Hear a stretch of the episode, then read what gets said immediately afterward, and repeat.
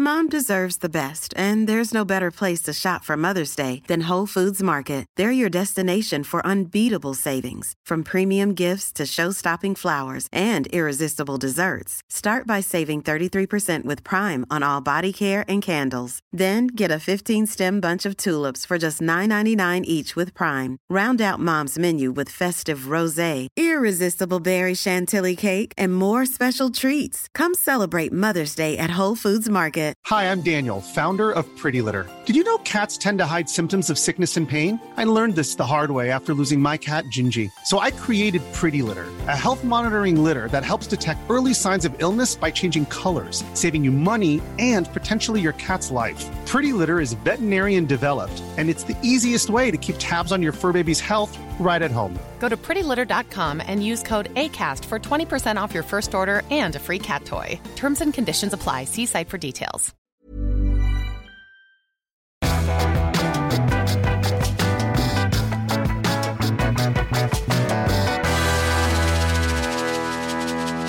Hallå Ann Söderlund. Hallå Anita Schulman. Nej men vad trevligt att höra från dig. Kommer, du, kommer jag heta Ann Johansson? Åh gud, ska du byta namn? Sluta. Ska han få heta Mattias Söderlund?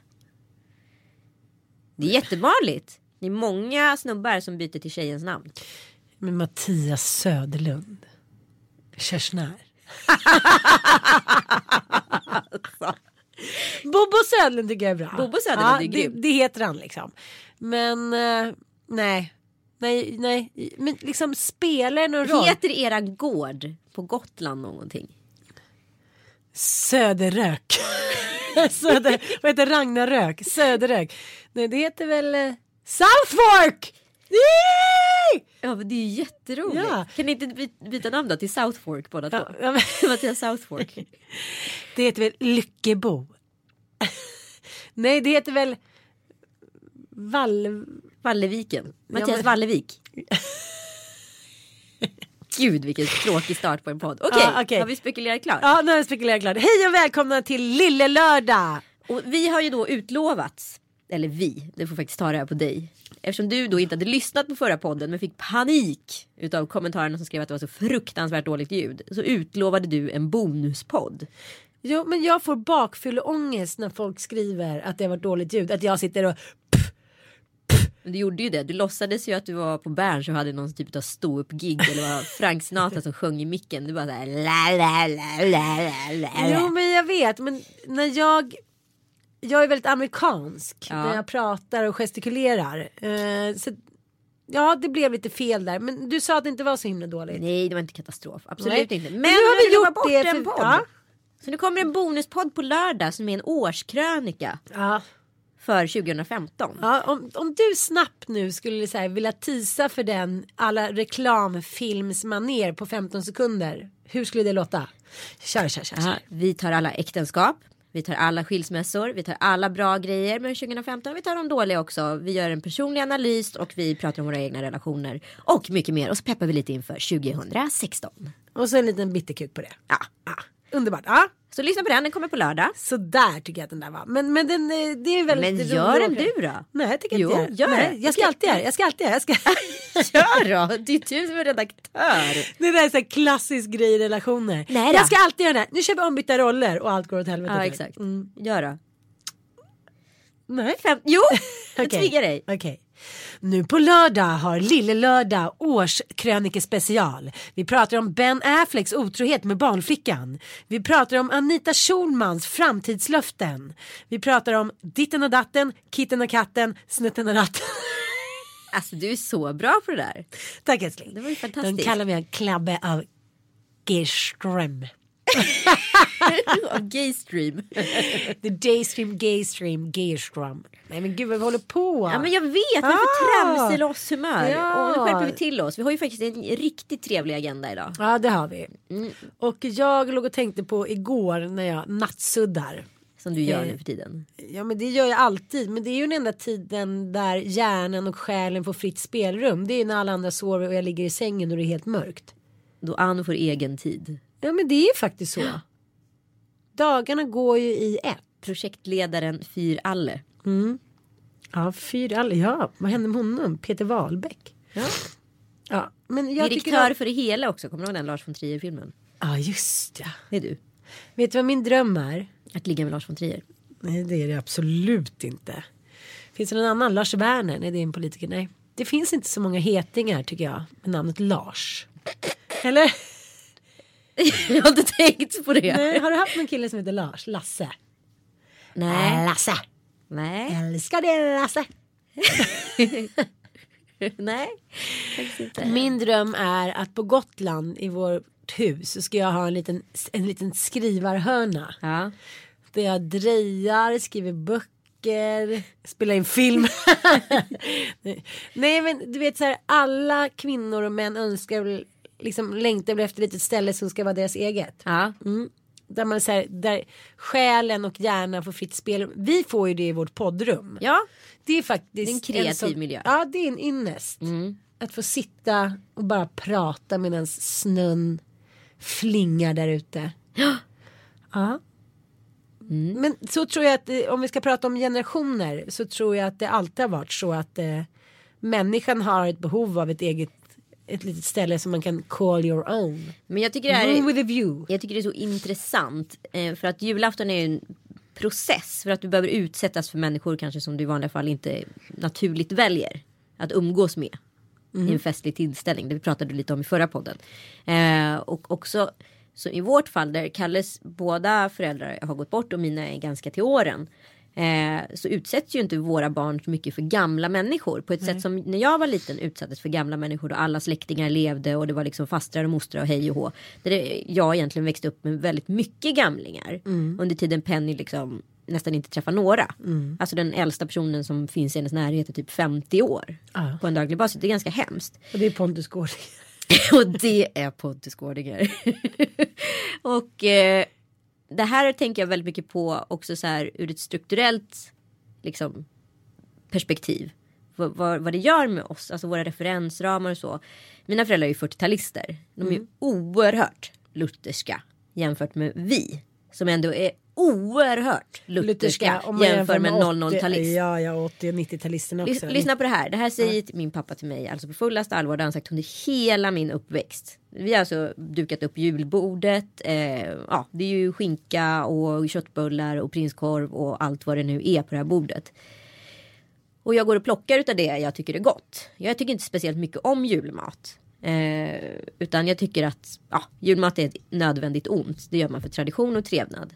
Eh, då säger han till mig, Anita, och det här har han gjort i hela min uppväxt. Ät nu inte bara av såglet. Vet du vad det är? Ja, det göttiga. Det göttiga. Ja. Du måste, alltså, det är ju så lutherskt i det. För vår generation tänker ju inte på det sättet. Om vi vill äta så här pata negra eller vad fan vi vill käka liksom, då köper vi det vi, som vi tycker är gott och så exkluderar vi det andra. Under tiden 40-talistgenerationen då, Fick tvärtom. de var tvungna att ta, Ta sig potätisra och så fick de lite av det götta. brysselkål och all skit. För sen fick man njuta Ja. utav det goda. Och det finns ju något vettigt i det. ja men alltså.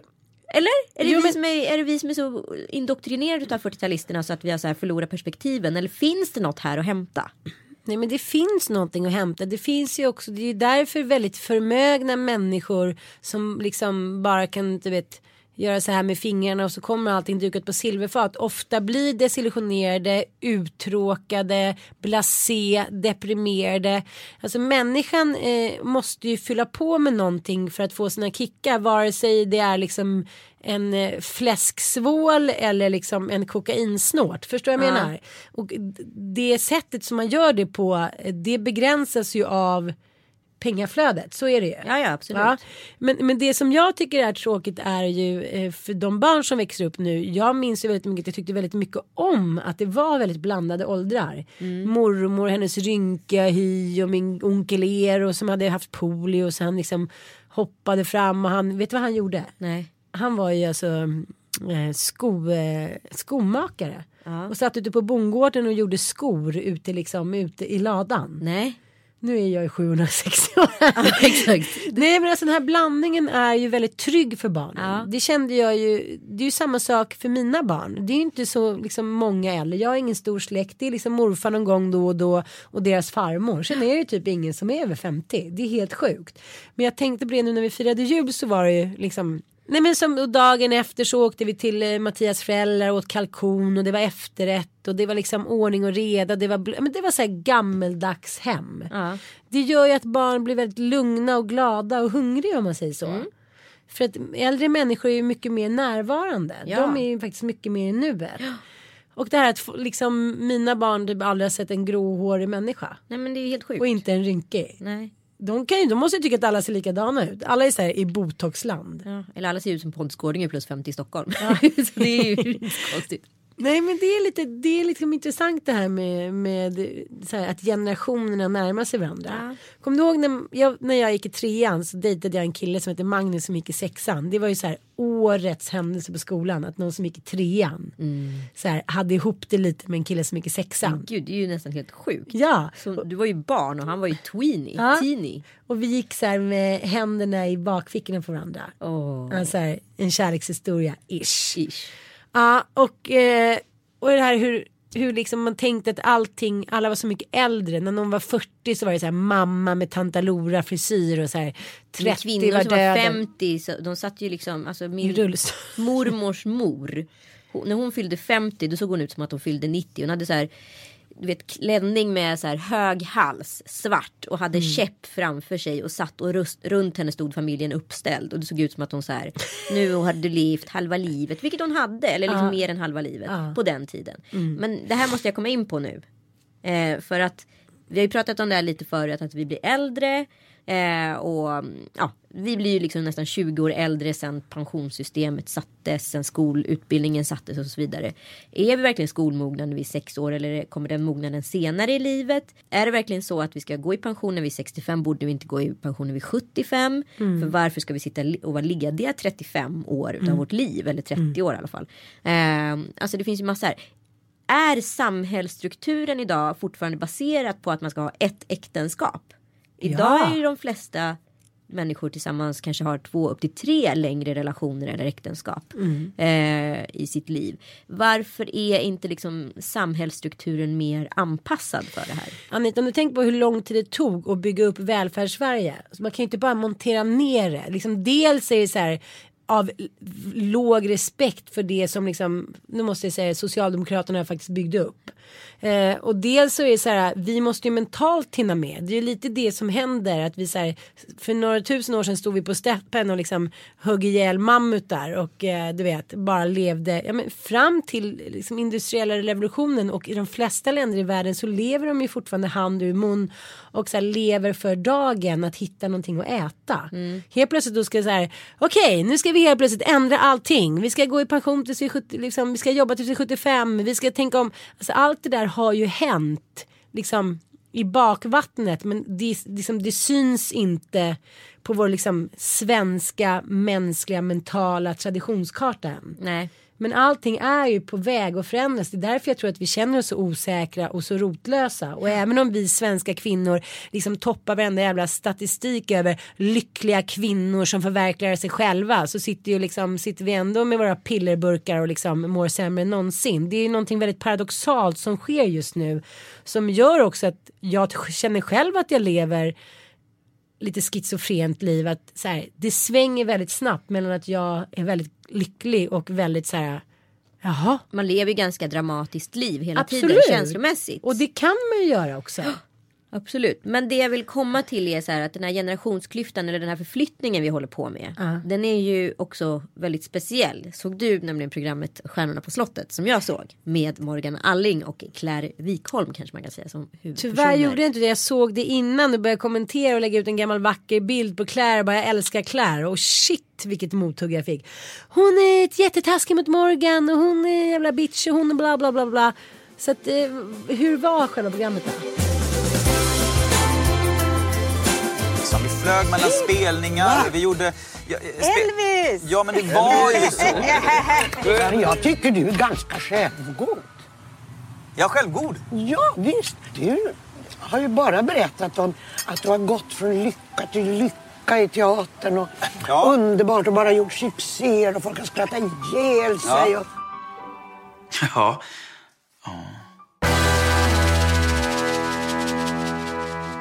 Nej men jag, det här för mig var det här programmet ett sånt generationsclash. jag vågade liksom inte så här försvara Claire för mycket på sociala medier. För att den här, det här jag menar med generationsproblematiken. 00-talistgenerationen upplever ju att Claire är en mobbare. Under tiden vi som är 70-talister förstår vad hon vill säga. Men hon är jävligt dålig på att uttrycka sig med patos. Hon är plump. Det kan vi minst sagt säga. Eh, jag förstår exakt vad hon vill komma och nå. Morgan sitter där och pratar om att han har liksom varit med på tippen. Alltså det som är problemet med programmet är ju väldigt roligt. Det är ett socialt experiment. För för honom som sitter och pratar om sin karriär. Där har han fyra gäster runt ett bord som han berättar någonting för. Det Morgan glömmer bort är ju att där ute i tv-Sverige sitter två miljoner tittare som vet vem Morgan Alling är, som har sett Tippen och kan referera till det här. Vi vet att så här, Tippen var ett barnprogram för liksom, ja, mellan 8 till 12-åringar. Liksom, och att han åkte privatjet mellan giggen och var så här, Morgan och Lasse. Ja, fine. Drack, ja, drack champagne och hade brudar. Det är i sådana fall så här 12-åriga fans. Eller så, I'm so sorry liksom. Men, men det kanske var, må så vara. Men det var ju kanske en rolig grej att säga. Och kul för honom där och då. Och framförallt berätta för några som inte känner till det här programmet. Men för alla oss som vet så blir det lite så här skämskudde-grej. Liksom. Morgan är jättefin, han är jäkligt bra på att lyfta människor runt omkring sig. Han är liksom en inspiratör. Och det han gjorde det var ju att han drog ju en monolog som han gör i sina föreställningar. Han är den personen som inte är så kanske bra på att föra dialog. Men han är väldigt bra på att föra monolog. Men som Stjärnan på slottet är uppbyggt så är det ju de här synkarna som det heter. De här intervjuerna som man sitter, man ser dem sittande på en stol i ett rum och pratar med en journalist som inte syns i bild. Där de egentligen lägger liksom historien till sitt liv. Och det som sker runt middagsbordet är egentligen att det är ett eh, runda bordsamtal. Precis som eh, ja, Så mycket bättre eller vad det är. Ja, så det känns som att du sitter i en medeltida källare. Minus på den SVT. Alltså. Nej, jag tycker, det, jag tycker det funkar. Skitsamma. Ja, ja. Eh, men det som är problemet med Morgans program det är att han har tagit på sig regibyxorna för det här. Han fortsätter köra sin monolog runt det här bordet. Till sist lackar Claire Wikholm. Sen Mm. fattar man att Claire Wikholm inte liksom är en skön tant. Hon är en gaggig tant. Så kan vi väl säga. Hon men är en hon är- gaggig hon- men- plump tant som är lite självuppfylld och lite whining and hon, har, dining. hon har aldrig liksom spelat efter de vanliga kvinnoreglerna. Alla Lex Torvald liknande. Sådana kvinnor får utstå mycket skit. Ja, men hon är ju en gaggig kärring. Ja, det ja. fattar jag. Ja, ja. Liksom, hon är Mm, mm. asjobbig. Hon, så här. Men det som strukturellt sker är ju att Morgan kan ju inte ta hennes kritik. För han blir ju avbruten i sin monolog. Mm. Och han blir ju också så här. Men det är för att han är osäker Ja, också. Så det här är han är hans kontroll. ofärdig. Det är hans sätt att behålla kontroll. Att, liksom, att regissera allting. Ja, han är så ofärdig i sin process också. Ja. Jag ser något birroskt i det här. Jag ser vissa andra personer som ofta uttalar sig eller pratar, använder sin Ja, sin uppväxt på olika sätt i ett sätt att så här, ja, kapitalisera och, och manifestera hur man har blivit en god människa. Ehm, det är något jäkligt kittlande i det här som är väldigt spännande. Hon försöker sp- sticka hål på den här ballongen och misslyckas och studsar tillbaka. Och Morgan då som för, liksom, arbetar väldigt proaktivt mot mobbning. Anser sig själv bli mobbad. Men det som sker strukturellt är att han skapar ett kaos i gruppen så folk börjar mobba Claire. Så han som är mobbad blir mobbaren. Ja. Om det är min analys av programmet. Det är nog så det är och det där är inte helt ovanligt. Nej. Nej. Men du vet. Det här är intressant för på in- Instagram så la jag upp en bild på Claire där hon ut som en, alltså det it clownen. Eh, och då var folk så här, hon är för jävlig, hon är taskig. Och så kollade jag på de här tjejerna som hade liksom framförallt tyckt att hon var vidrig. Och det var ju tjejer som är fulla, garanterat på sena 90-talet eller 00-talet. Och där kom ju generationsglappet in. Att för dem, att stöta på en kvinna som Claire, vilket de inte gör, för deras mormödrar är förmodligen 80 år. Hon är generationen under. Som de aldrig stöter på. Eh, de är fortfarande lev, Precis, det hände väldigt mycket Mellan de 30 och tio år, 40-talet. Från att man så här, per definition var hemmafru, beroende av sin man, knappt fick rösta, bla bla bla. På 10-20 år där hände ju väldigt, väldigt mycket. Men, men jag tycker att det är så här, det är det som blir så osynligt eftersom mellan vissa årtionden eller vissa generationer så har det ju inte hänt särskilt mycket. Nej. Man kan ju inte säga 50 och 60-talister är ju ingen jätteskillnad heller tycker jag. Både och. Ja, okej. Ja men 70 80-talister där ser man ju liksom en stor skillnad tycker jag. Ja, inte tidiga 80-talisterna tycker jag precis. Ja, okej då. Men, ja, men, men Ja, de sena ja. liksom. Framförallt så här. Men det är det, jag menar hoppa över varannan generation. Och det här som- för, för 00-talisterna och sena 90-talisterna så var ju Claire Wikholm en häxa. Hon är ju en mobbare av rang. Sen vill jag faktiskt säga en sak. Att de som beter sig sämst på sociala medier. Alltså de som skriver de värsta kommentarerna på Svensk Damtidning.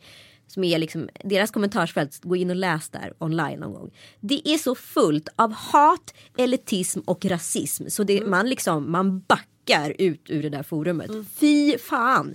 De kan inte föra sig på sociala medier. Sociala medier, medier är direkt dynamit för 40 plus generationen eller 50 plus generationen. Ja, men det är också så här. Om man, nu, om, om man ser så 40-talisterna som är den första generationen som fick allt. Ja. Och som, de fick liksom, dels fick de ärva, Ja. alltså hela det här göttiga. Gamla sommarhus och eh, pengar och aktier och bla bla bla. Man får åt det lutherska från efterkrigstiden. Precis. Men dels så fick de allting per definition nästan gratis. Mm. Och dels kom eh, invandrarna in i Sverige så att de behövde inte göra hundgöra. Nej. Så att de var så här, de var kungen av ingenting över en Exakt. natt.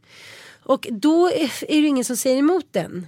Alltså det, är ingen, det är ingen motsägelse. Allting går, är bara ett räkmackeliv för många 40-talister.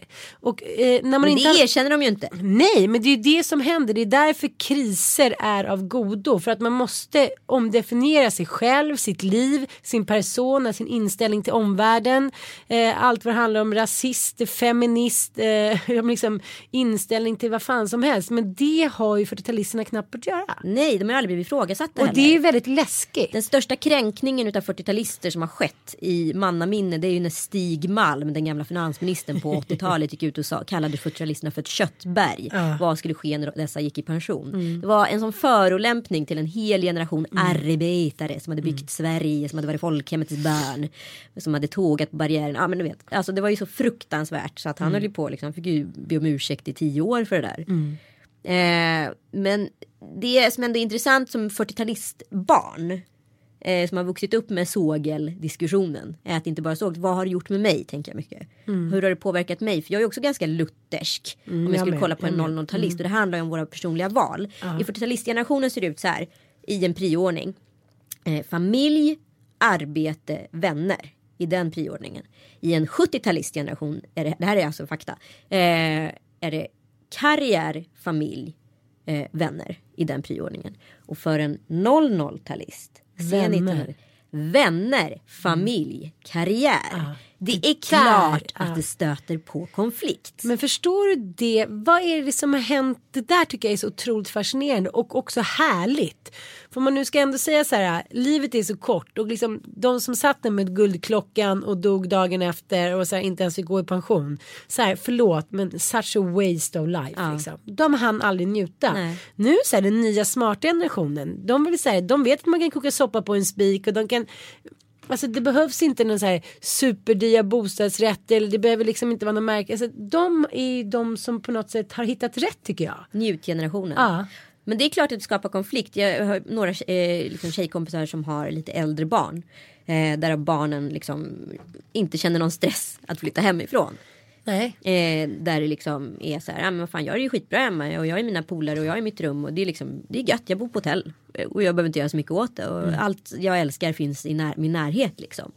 Under tiden liksom mammorna till de här barnen var de som så här flyttade hemifrån när de var 16 år, började jobba, startade sina egna företag när de var så här 21. Alltså, Dubbeljobb, typ. Ja, du vet, så här, där ser vi också prioordningen. Jag stannar hemma under tiden mamman då som är 70-talist eh, börjar jobba. Där är prio karriär. Det ser man ju tydliga tecknen att det här, de här tre eh, prioritetsordningarna faktiskt funkar och stämmer in. Eh, under tiden då eh, 40-talistgenerationen prioriterade familj, sen karriär. Eh, där man tycker så här, varför är vi inte mer tillsammans och den här ångesten under tiden vi bara tycker gud de är asjobbiga som tycker sådär. Eh, det här är så jäkla spännande för jag tänker väldigt mycket på om vi hade gjort en mätning då på den här eh, mamman till barnet som inte vill flytta ut. Eh, när båda var 30 hade de kommit lika långt i livet.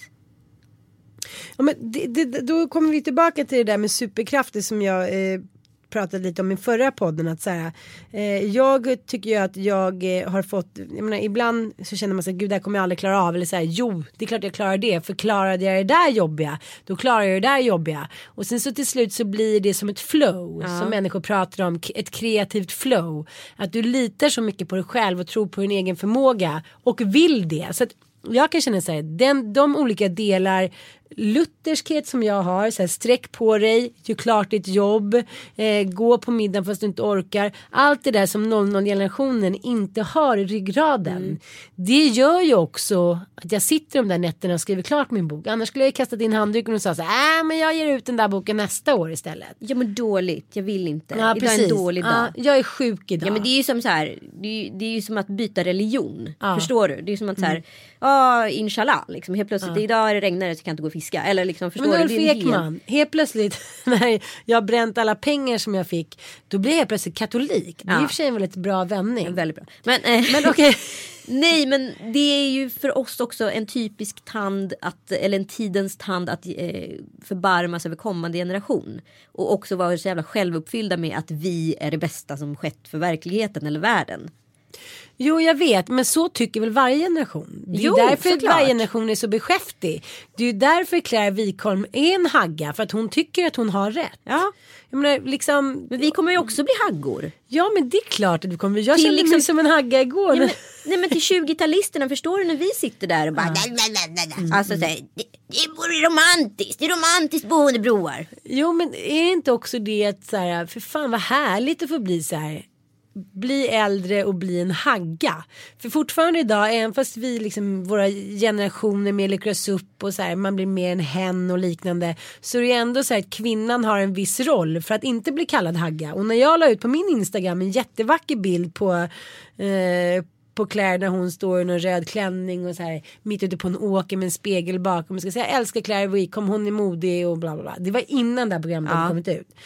Ja men då blev det ju direkt så här, hon är så och så och så och det är alltid kvinnor som hackar på kvinnor. Och där känner jag så här, gode gud, kan det inte någon gång hända något där? Ja. Det är fortfarande det här att vi så här, ha, aha, gjorde hon så? Och jag kan höra mig själv också att jag säger, ha, hade inte hon blivit lite så eller hade inte hon blivit, vad hade hon på sig? Att så här, vi går väldigt ytligt på kvinnor medan män är så här sköna, konstnärliga, lite tjocka härliga och det är så här, nu har Mattis fått lite mage under julen och jag är så här, åh han är min konstnär, jag ser det som något kreativt. Ja.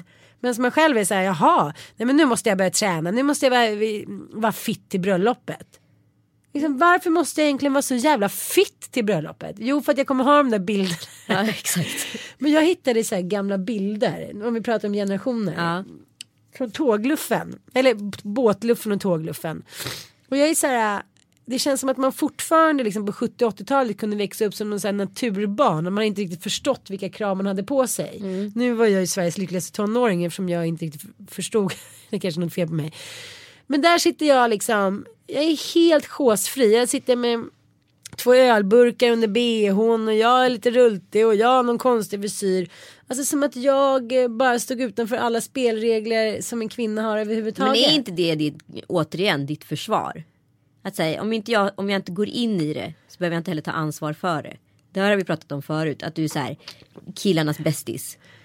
Jo men jag ligger ju ändå med killarna så jag kan Jo. ju inte vara deras bästa. Nej men det är det. Jag får vara med för att jag inte är ett hot och jag dömer ingen. Ja, det är ju som en gay bland, i ett tjejgäng. Ja, Förstår fattar, du? fattar, Katten fattar. bland hermelinerna. Du är så här untouchable. Du kommer alltid vara liksom roligast och ballast i gänget. Ja och det här ligger mig också i fatet i mina relationer. Ja, såklart Och det märkte jag lite också så här om vi ska ta nyår då som vi firar tillsammans i det här stora fina huset. Så är ju väldigt mycket, ursäkta men många män är ju rädda för sina kvinnor. Mm. Det är, ju, liksom, det är ju ett faktum. Det, är så här, det behöver man inte vara någon raketforskare för att se. Många kvinnor har pli på sina män. Ja. Det finns någon rädsla, det finns någon oro att liksom eh, att männen, att, att männen gör fel. Ja, eftersom jag då är tjejernas tjej och killarnas bästis, då så behöver man ju inte Alltså då har ju inte jag per definition en kvinnoroll. Nej. Alltså förstår jag säger. Jag är ju inte hemmets tyrann som någon sa. Eller jag begär inte att vi alla ska göra allting bägge två. Det var så gulligt för en kompis till mig sa häromdagen. Han bara, ja, vi har ganska nyligen fått barn. Vi har precis börjat inse att man behöver inte gå in och byta blöja båda två hela tiden. Man behöver inte gå upp båda två. Alltså jag tycker att svenska relationer är väldigt mycket att det ska vara homogent. Att om barnet vaknar då ska minsann du också vakna. Ja, rättvisesamhället. Ja, rättvisesamhället. Och det kanske behövs i många fall. Men man måste ändå kunna vara lite organisk och känna in lite vad den andra Men, Men i, I en tvåsamhet så kan man inte ha ett regelverk på det sättet Nej. utan man måste läsa av situationen. Men jag försvarar mig själv med det men jag blir också utnyttjad på grund av att jag då inte klagar om den andra är ute till sex på morgonen fast man har en nyfödd bebis. Att den andra kanske inte, jag är ingen rättvisekvinna på det sättet. Nej. Eh, men å andra sidan kör jag ju mitt eget race på ett väldigt manligt sätt. Alltså, jag bokar ju mitt liv efter eget huvud ganska mycket. Ja, alltså Kalle säger ju också alltid att så här, det är du som bär byxorna i den här relationen och så Mm. kommer det vara liksom. Och det har ju varit ett paradigmskifte i vår relation att så här, han har insett det. Ja. Han har accepterat det. Nej men det är ju så. Men det är ju väldigt kul också för, så här, för man kan ju man kan hamna i en relation som man sen då till slut inser att det här kanske inte var min typ av människa. Det är som jag har haft kompisar som har, som har levt liksom med män som har varit så här stora bebisar, tv-spelarmän. Ja. Och sen träffat ansvarsfulla män som gillar att så här, ta hand om familjen, casha in, typ åka skidor, fixa hemma. Och som har tyckt att det varit så jävla sexigt. Och den kan jag ändå förstå. Ja, det där är väldigt intressant att säga. För de, låt säga då att du har en sån konstnärlig fader Ja. och en kreativ moder. Ja. Och sen så tar det slut och så vad heter det, träffar båda nya partners. Då tycker såklart barnen att så här, pappas nya tjej är rolig under tiden då. Mamman då som har varit trött på den här slarvidusken träffar en ansvarsfull man. Nej, då är han tråkig. Alltså, så blir det ju. Ja, men Ansvar är tråkigt, lättja är kul. Så är det alltid. Men det är också 40-talsmannen som alltid så här stod och grillade och blandade drog groggarna och lämnade all disk till frugan. Men jag kan ändå se om man ser de här traditionsbundna, liksom, om man ska säga årstidsbundna, traditionsbundna som sommar, jullov, eh, högtider, påsk och liknande. Är vi inte lite kvar i 40-talistmönstret? Ja, men Männen 40-talisternas grillar och liksom kvinnorna står i köket. Och, ja. Men är det, fast, jag tycker så här. We all have to figure it out. Är klart vi måste lösa det. Men är det så farligt? Alltså, här, om inte jag gillar att grilla varför ska jag stå och grilla bara för att jag är kvinna? Eller liksom bara för att jag ska ta ma- make a point? Eller förstår du? Jag vet. snubbar gillar att grilla, fan grilla det skiter väl jag i. Bara för att äta, men ta disken också för fan. Jo men det, är- det är ju det här argumentationen som vi kan fastna i till år 2093. För att det är ju det här som sätter käppar i hjulet å ena sidan men å andra sidan. Antingen då får man ju ta liksom ett vitt grepp om det hela och så här stå för sin feminism. Det klagar ju alltid killarna på när de tycker att man kräver för mycket. Aha, men du vill vara feminist där men när det gäller såna här grejer då vill du minsann. Det är som nu när vi håller på att göra om hemma det sista. Då sa Mattias så här till mig i morse när jag gick till jobbet. Är det aldrig klart det här? Har ni inte förstått det? Jag bara, vadå klart? Det är så här, nej det är inte klart. Nej. Eftersom det inte är klart. Göra om vardagsrummet nu. Men inga hyllor uppe, inga tavlor, det är inte liksom inga lampor så det är helt mörkt i varenda rum. Nu tyckte han att det var klart. Ja såklart. För nu, är så här, nu orkar jag, nu tycker inte jag att det här Men är han är ju roligt fan längre. lampkungen. Jag bara, du tycker inte det här är roligt längre? Du har väl för fan inte gjort ett skit för det här. Han bara, så ska vi ha huset och så här. Jag bara känner så här, okej go, don't go in there, don't go in there. Jag bara, kan ju förstå Mattias lite också. Jag ska, alltså, Jaha? Nej men alltså jag ska ju inte dyka in i din skalle liksom. Jag ser ju att du ser alla projekt och du håller på med bröllop parallellt. Alltså det, det är ju layer on layer an. Alltså du bara kör på. Och det funkar ju för dig. Men du kan ju inte vara helt så här bekväm med att alla ska här, fatta att det funkar för dig. För du är ju väldigt easy going. Han är ju ängsligare än dig. Han är Jo. yngre, han är man, han är oroligt lagd. Det är klart att han känner oro. Men du är den enda som ska göra honom trygg i det här. Men ju- det, så jag sa det till honom, jo men okej, men om jag hade varit lika orolig som du, då hade vi aldrig kommit någon vart. Nej, såklart. Och det håller jag ju med. Ja, du ser.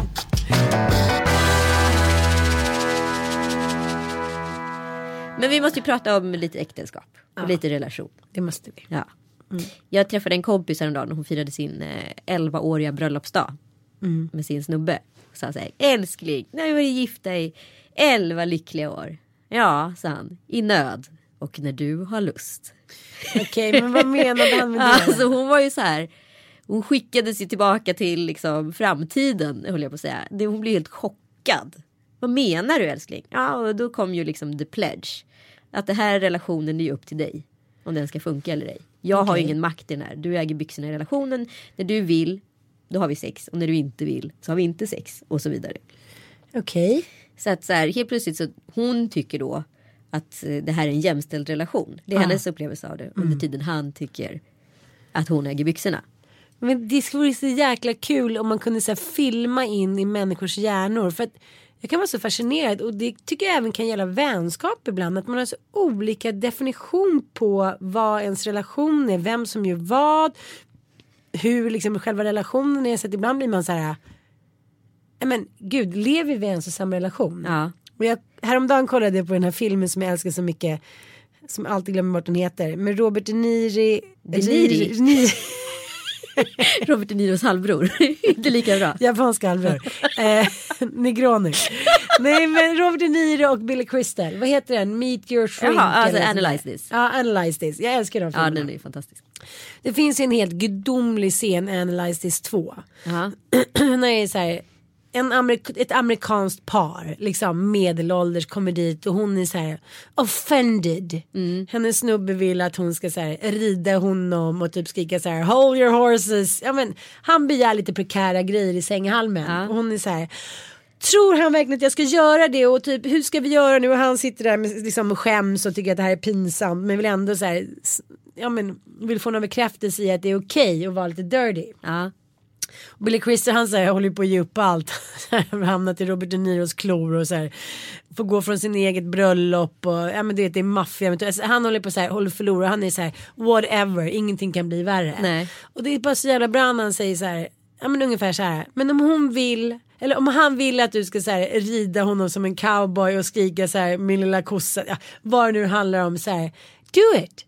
Whatever makes him happy liksom. Whatever floats your boat. Och det är lite så här, livet är så kort, vad fan, om du kan göra en annan lycklig på det sättet. Och då är det ungefär som bara för att han bekräftar att det inte är superodd. Då tycker hon helt plötsligt också att det är jättekul.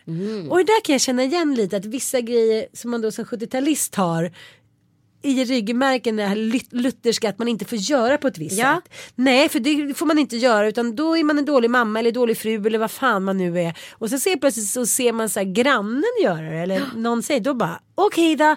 Det är därför klassiken är om en liksom om ett par i den intima umgängeskretsen skiljer sig helt plötsligt så här har 90% av umgängeskretsen skilt sig. Ja, det är helt sjukt vilken jäkla Ah. dominoeffekt det kan generera. men det är roligt det där att man har så lite egen liksom, karaktär och självvilja att man fortfarande är så ängslig. Ja. Nej men det är det jag tror så här, vi hatar ju, alltså inte alltså per definition, som i, i en grupp hatar vi ju 00-talisterna för att de är så fria. Ja. Vi är avis. Vi är ju fortfarande i bojor. Om nu 40-talisterna satt i fängelse så är vi i bojor. Eller har en fotboja i alla fall och går runt inom fyra väggar. Och de är helt fria, de har gått ut genom dörren. Hur ska vi lösa det här? Jag orkar inte. Varför gillar också 00-talisterna att lyssna på våran podd? De borde ju tycka att vi är anskrämliga och tantiluror. Men kan man inte se på lite så här. I was born and raised 7089. I was a, liksom att man, alltså alla vill på något sätt sitta på en äng så här, vara punkrocker med liksom fria tuttar och så här, ett fritt liv där man inte behöver ha några krav. Men eh, som 70-talist så kan man ju inte leva så för då mår man ju dåligt. Det kan jag känna nu när jag har varit ledig ett tag. Nu börjar jag bli på dåligt humör. Men Tess bara, du har PMS. Jag bara, nej, jag är uttråkad. Min hjärna och liksom min lekamen kräver arbete. Liksom det är fortfarande så här stenen ska rensas från den småländska åkern.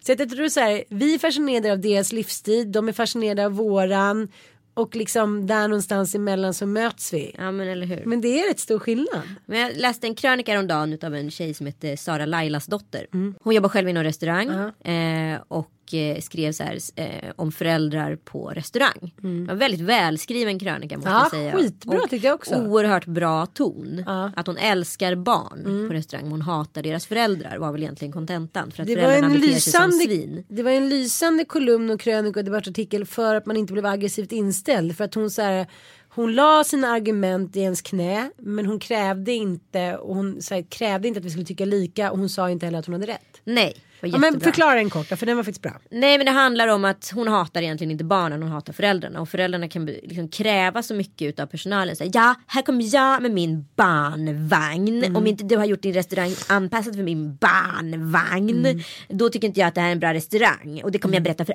alla jag känner. Och det är så här, ja så kan man ju ha den inställningen. Så kan man ju också gå på så här ett barnvagnsanpassat eh, ställe. Det finns ju de också.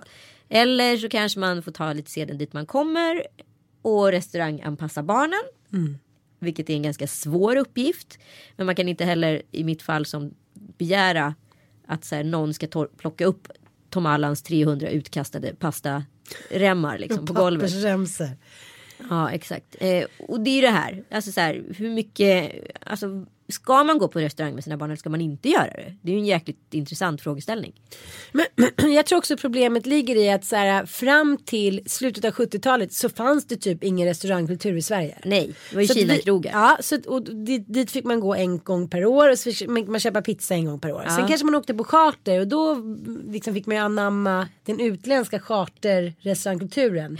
Men däremellan fanns ju egentligen inte om man inte kanske var så här levde med en mamma eller pappa från ett annat Grekisk land. sallad var det mest exotiska rätten på menyn. Liksom. Och liksom jag kan fortfarande säga mitt ex prata om när han fick så här, käka fyra små rätter på Kina-krogen i Vetlanda. Så det var så här exotic big time. Mm. Ja, ja, ja. Och eh, på något sätt så var det ju det måste ju varit underbart att vara förälder då. För det var ju så jävla lätt att så här vara coola morsan. Man Ja. bara, nu ska du få en friterad räka. Eller banan. Nu bara, vänta, jag ska flyga dig till så här påskön. Eller flyga till Maldiverna. Alltså förlåt mig. Hur många är det som har varit på Maldiverna i år? Det är verkligen the it shit. Det är itchigt. Ja. Alla är på Maldiverna eller Mauritius. Passus. Alltså, det har varit så här oantastliga resmål för mig. Jag, jag tänkte att jag kommer Ja. aldrig komma dit. Ja. Det är lite så. Det är så Men här, nu- Jag har franska Polynesien, liksom Bora Bora framför mig och det här. Det, är så här det här ska jag ta när barnen är stora eller liksom 15-16 kan vara hemma och så kan jag och Kalle dra. Liksom. Men nu är alla där. Ja, men Och varför? Skit, skitsamma. Skitsamma, men det som, som jag tycker ska avsluta den här podden blir att så här, det här med generationer är väldigt intressant. Men det som ställer, liksom, conclusion tycker jag är så här att våra generationer, att det går så snabbt. Det går ju bara på något, ett par år så är det liksom en ny typ av generation. Lex Sara Larsson till exempel. Ja. Helt plötsligt tar hon ju poddvärlden och ändrar från att man skulle prata om ett par ämnen och gå in djupgående på dem till att hon hade 263 ämnen i varje podd och det ändå var lysande. Ja. Alltså de är så liksom, de är så fria. De är lite så här som hippie fast utan liksom LSD. Utan flower power och, Ja, och blommor ja. i håret. Liksom. Men, men det som ställer krav är ju att vi hela tiden måste förnya oss. Som jag kollar, tänk, som jag satt och kollade i gamla fotoalbum. Sitter mamma och pappa och deras bästa polare på något sommarställe vi har hyrt. Eh, de groggar, de röker, vi springer omkring med pilbågar och är nere vid sjön. Vi är typ så här fem, sex år. ja. Så här, ah, vi fick leva vårt liv. Ja. Jag säger inte bu eller bä nu Anita. Nej, nej, nej. Och de fick leva sitt liv. Kanske inte det bästa att sitta och grogga sådär. Men det var lite som att alla fick plats. Nu, jag är lite trött på att alla alltid ska vara med på allting hela tiden. ja, jag fattar. Mm. Man ska gå parallellt tillbaka. Vi landar ju hela tiden i det. Har du tänkt på det? Att vi ska leva parallella liv. Det är det som är liksom nyckeln Mm. till lycka. Sliding doors. Ja, sliding fucking doors. Mm. Ja. ja. Och med det avslutar vi podden. Ja, var fria. Var free spirits. Alltså så här, öppna sinnena och liksom låt människor leva sina egna liv. Men gör det Men tillsammans. nu låter ju du som så här, någon nunna som säger att våra lyssnare inte gör det. De kanske är skitbra på det. Vi säger till varandra, Anita. Ja, det är mer Ann. tillåtande. Ja, ja, det var jättebra. Ja. Nu drar vi till Bora Bora. Nu drar vi till Bora Bora. Lämna kidsen hemma. Absolut. Puss och kram!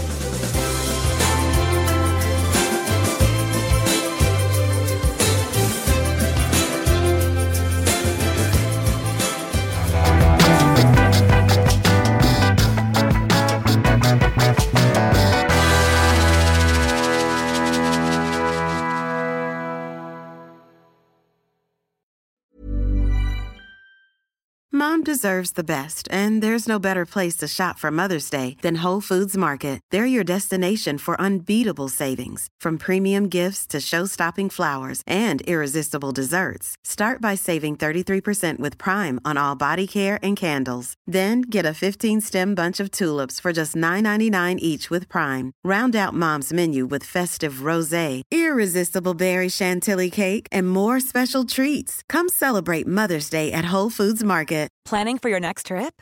Elevate your travel style with Quince. Quince has all the jet setting essentials you'll want for your next getaway, like European linen, premium luggage options, buttery soft Italian leather bags, and so much more. And is all priced at 50 to 80% less than similar brands. Plus, Quince only works with factories that use safe and ethical manufacturing practices. Pack your bags with high-quality essentials you'll be wearing for vacations to come with Quince. Go to quince.com slash pack for free shipping and 365-day returns.